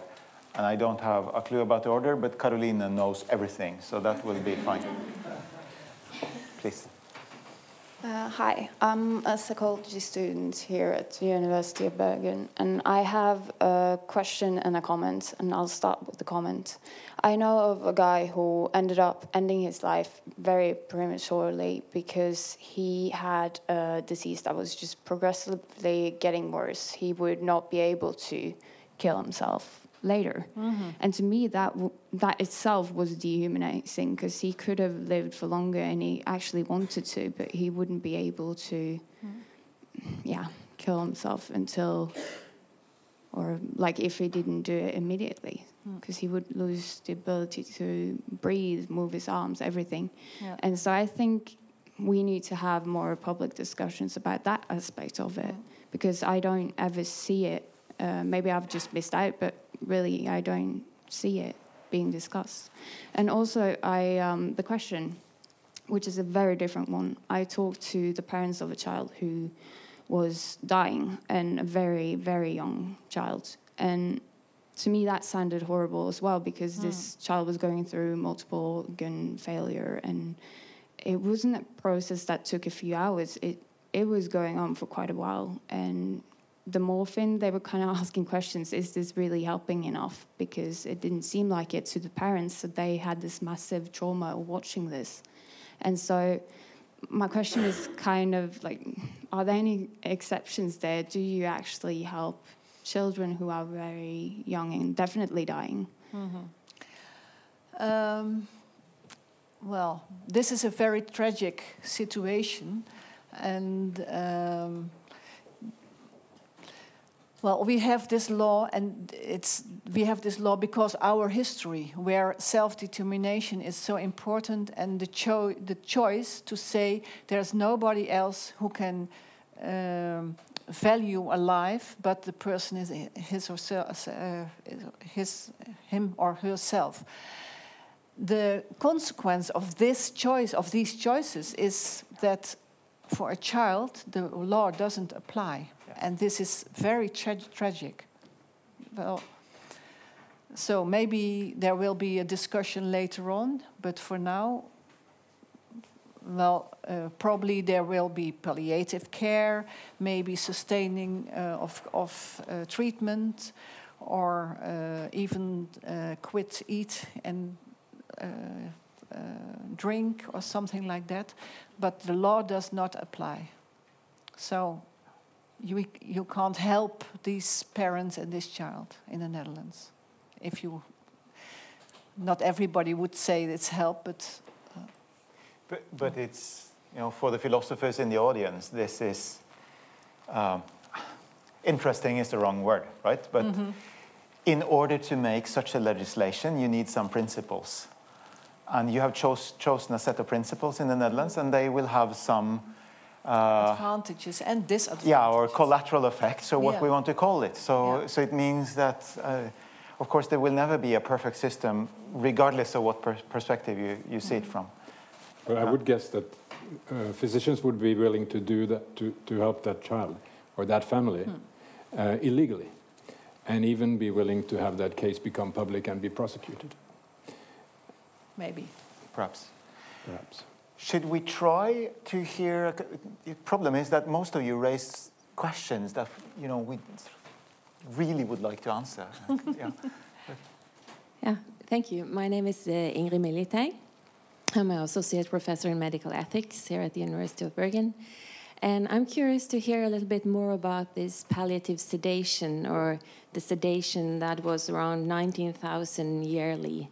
And uh, it's also very uncommon to use that here in Norway. So I wonder um, those who might get a no to do euthanasia, do you know if they get this instead? Or what is kind of the criteria of getting uh, palliative sedation? And are you In the Netherlands, Yeah, in the yeah. in the Netherlands. And are you ever involved in that uh, in your committee? And before you answer, uh, I guess that quite a few of us. I am not a medical person, so perhaps you would like to say what palliative sedation means. Oh, okay.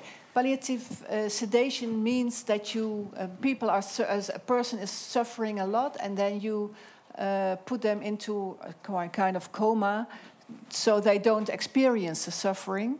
And um, the, the goal of this is not to kill somebody, so it's not helping somebody to die, but just um, put them in a situation that they don't experience the suffering They're unconscious. they're unconscious and there's pain uh, reduction. Little comment, but they can't, any, uh, they can't neither drink or eat either in this condition, so they will die. From that, yeah, Uh, yeah, yeah, yeah. Of course, you could have, you could give them uh, water and uh, Intravenous. intravenous, but that's the, uh, part of the procedure. Is you don't do that. You don't do that. Yeah. So. In the Netherlands, the, the rule is it's, it's uh, normal medical care, so it's not uh, uh, about euthanasia. It's, it's outside that, it's normal medical care, so you don't uh, need to. To, to yeah, it's, it's, you have to do it legis artis. And um, in the Netherlands, you only can do it when you expect the patient to die within two weeks.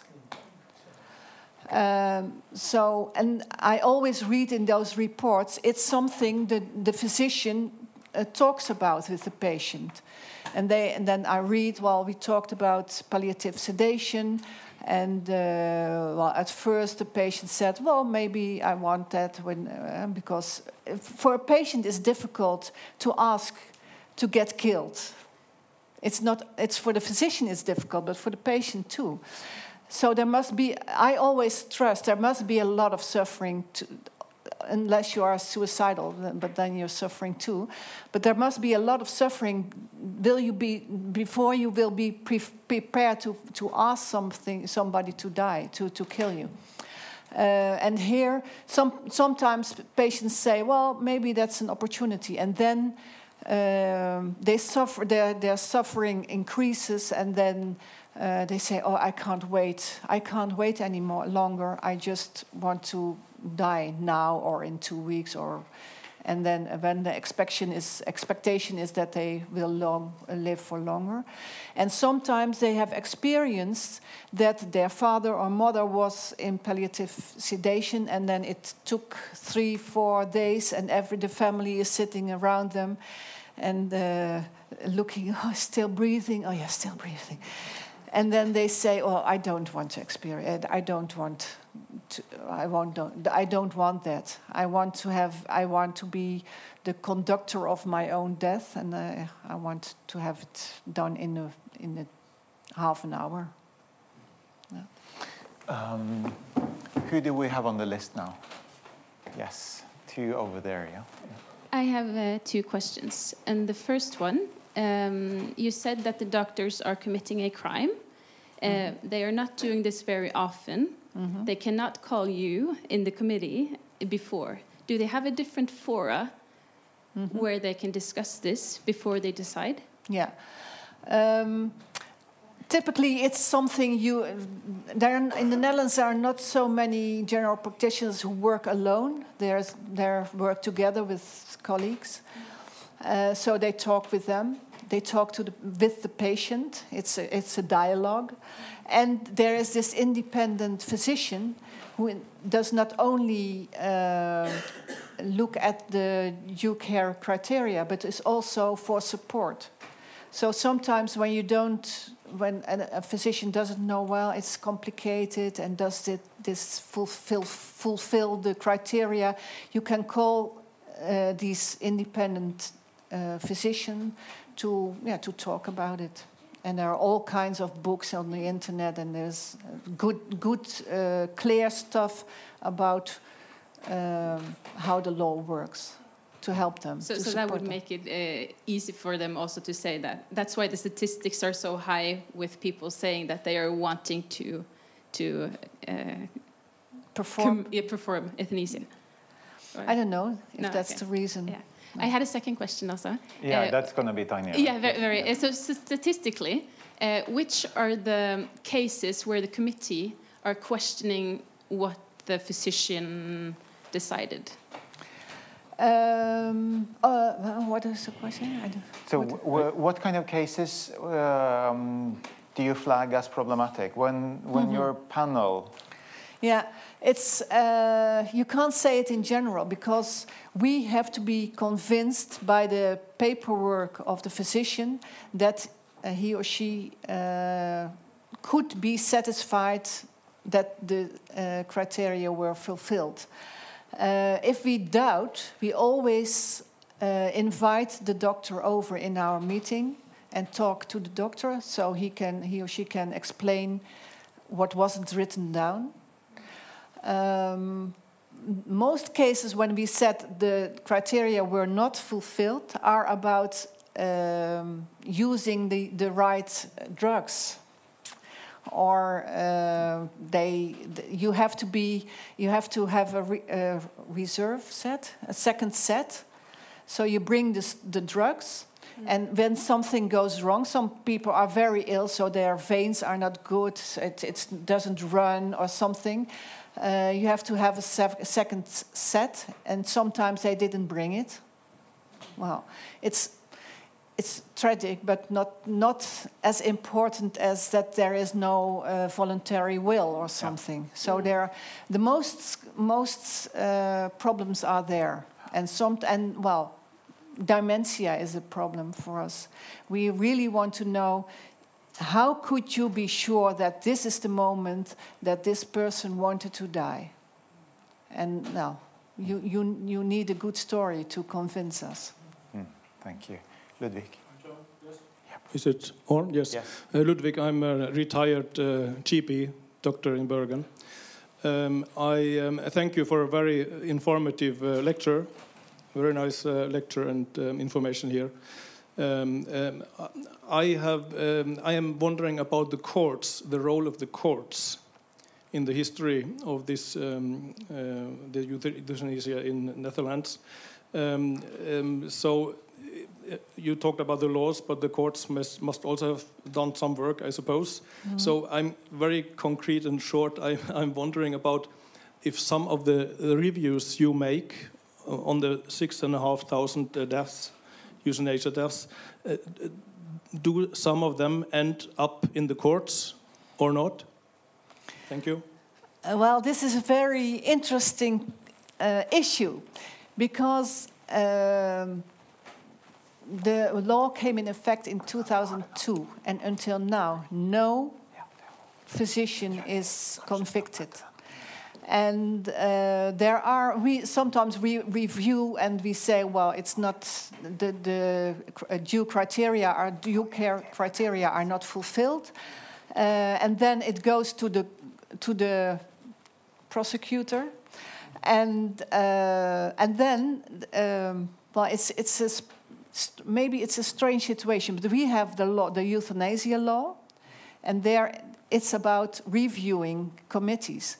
Then, when we say, well, the, the criteria are not met, they, it, the, the case goes to the prosecutor, and he invests whether uh, there is a crime committed. And then there's an, uh, a, very different rationality. And then they talk to the doctor, and they, um and then the doctor will say, "Well, I understand. I wasn't, I didn't write it down very good, or uh, next time I should do something different to be more clear." And then the case will be seponed. So do you say? Yeah, it will be put away, yeah? put away.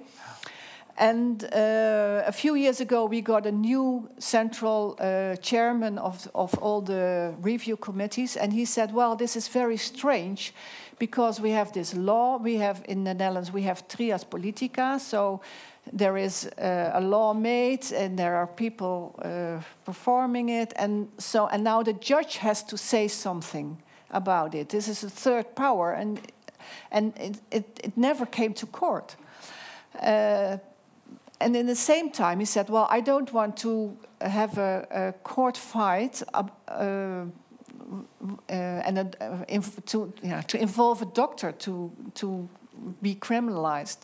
So he, he uh, suggested a kind of procedure which did until now did not happen, but um, the, the government has uh, put five cases in research and wanted to research whether uh, there should be a, prosecu- a real prosecution in court.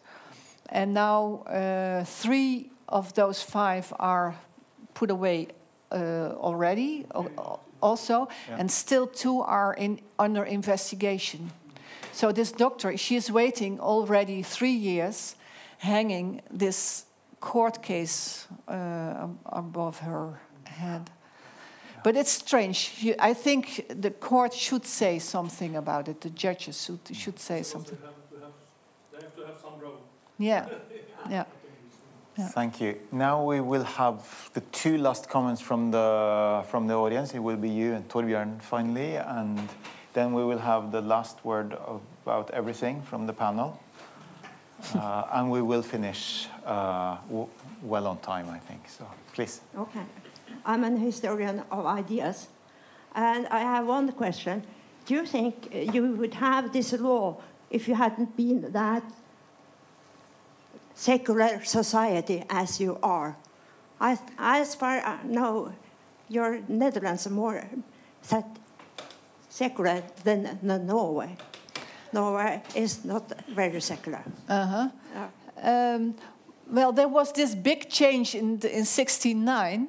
Uh, before that, people were very religious and all in, uh, you were either Jewish or Catholic or Calvinist or something, and, and the whole society was organized like that.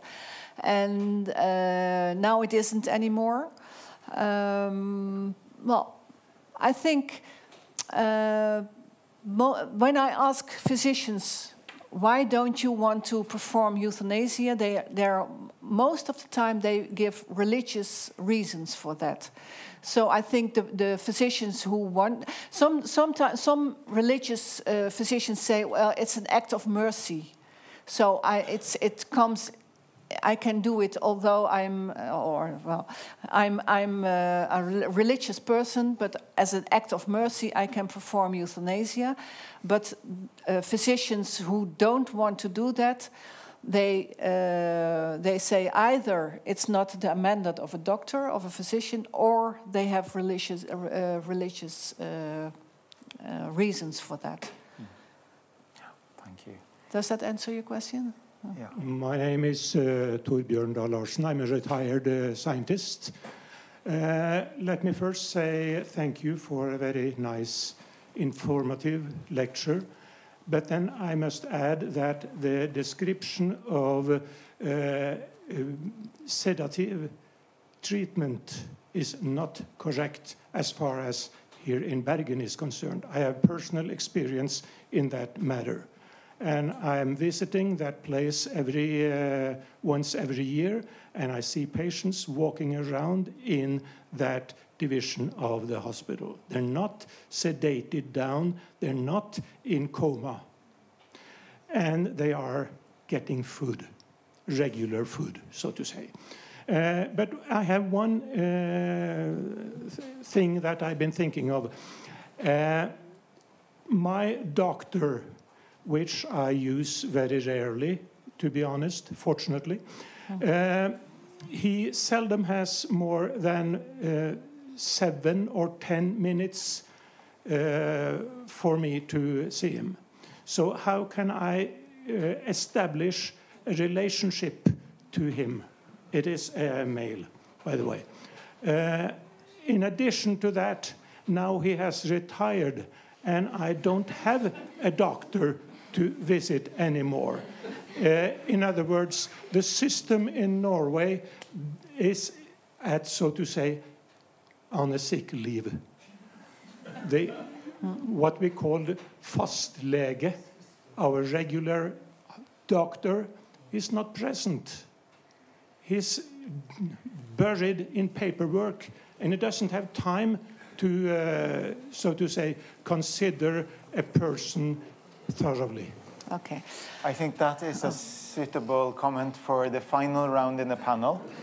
Ludvig, are you the G- GP of uh, Torbjørn? No, but we can deal with that later. Another example, but uh, Yeah, yeah, yeah.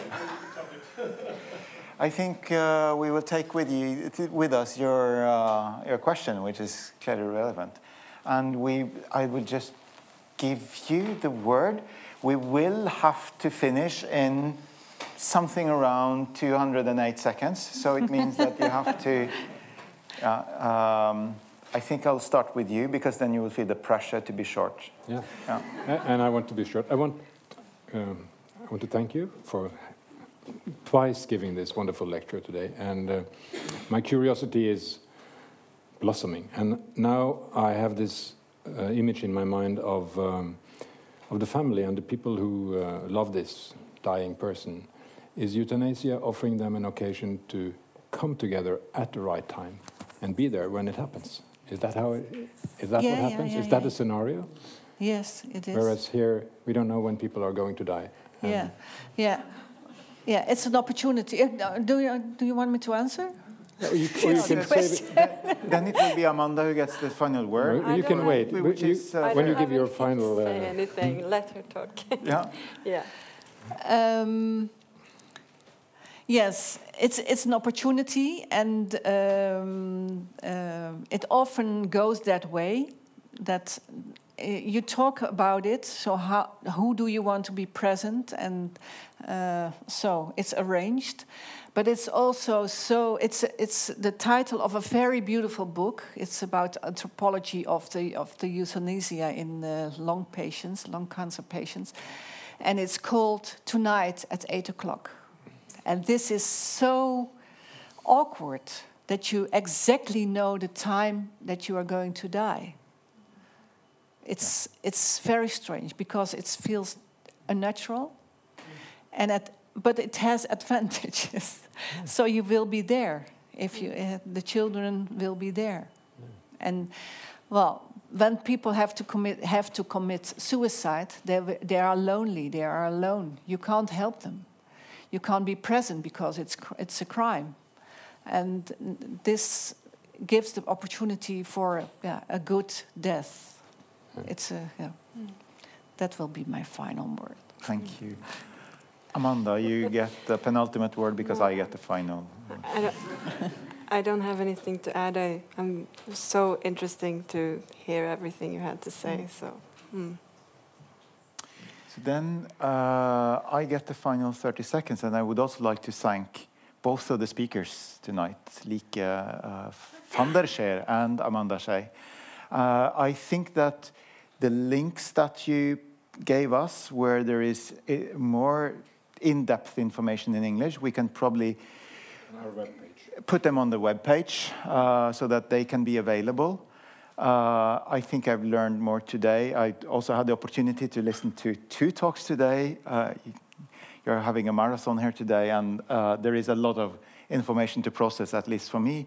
And as for uh, Amanda, your master dissertation that goes specifically on the Norwegian context and a philosophical analysis of that, I guess that there's a link. There's a link because that is prob probably in the open archives of the University Yeah. of Bergen. So I would also recommend people to have a look at that. I think we, what we see is that for this, these complex issues, isn't it strange, right? It is something that we tend to forget that actually knowledge helps. So, and here there is both experience, empirical knowledge, but also the very important knowledge that lies in, in the philosophical skill that both of you represent of having a principled uh, view on this and trying out the arguments. So that, we actually conclude the series this term. Yeah, Yeah, don't we? we should say that we are going to talk more about death this fall. Yeah, you can just look forward to it because it will be. It's going to be a joyful autumn. We, we said that next year we have to have something more, a more a merrier topic, like jordbær med fløte or something like that. But again, thank you very much for very active participation tonight, and thank you very much to the two speakers. So thank you.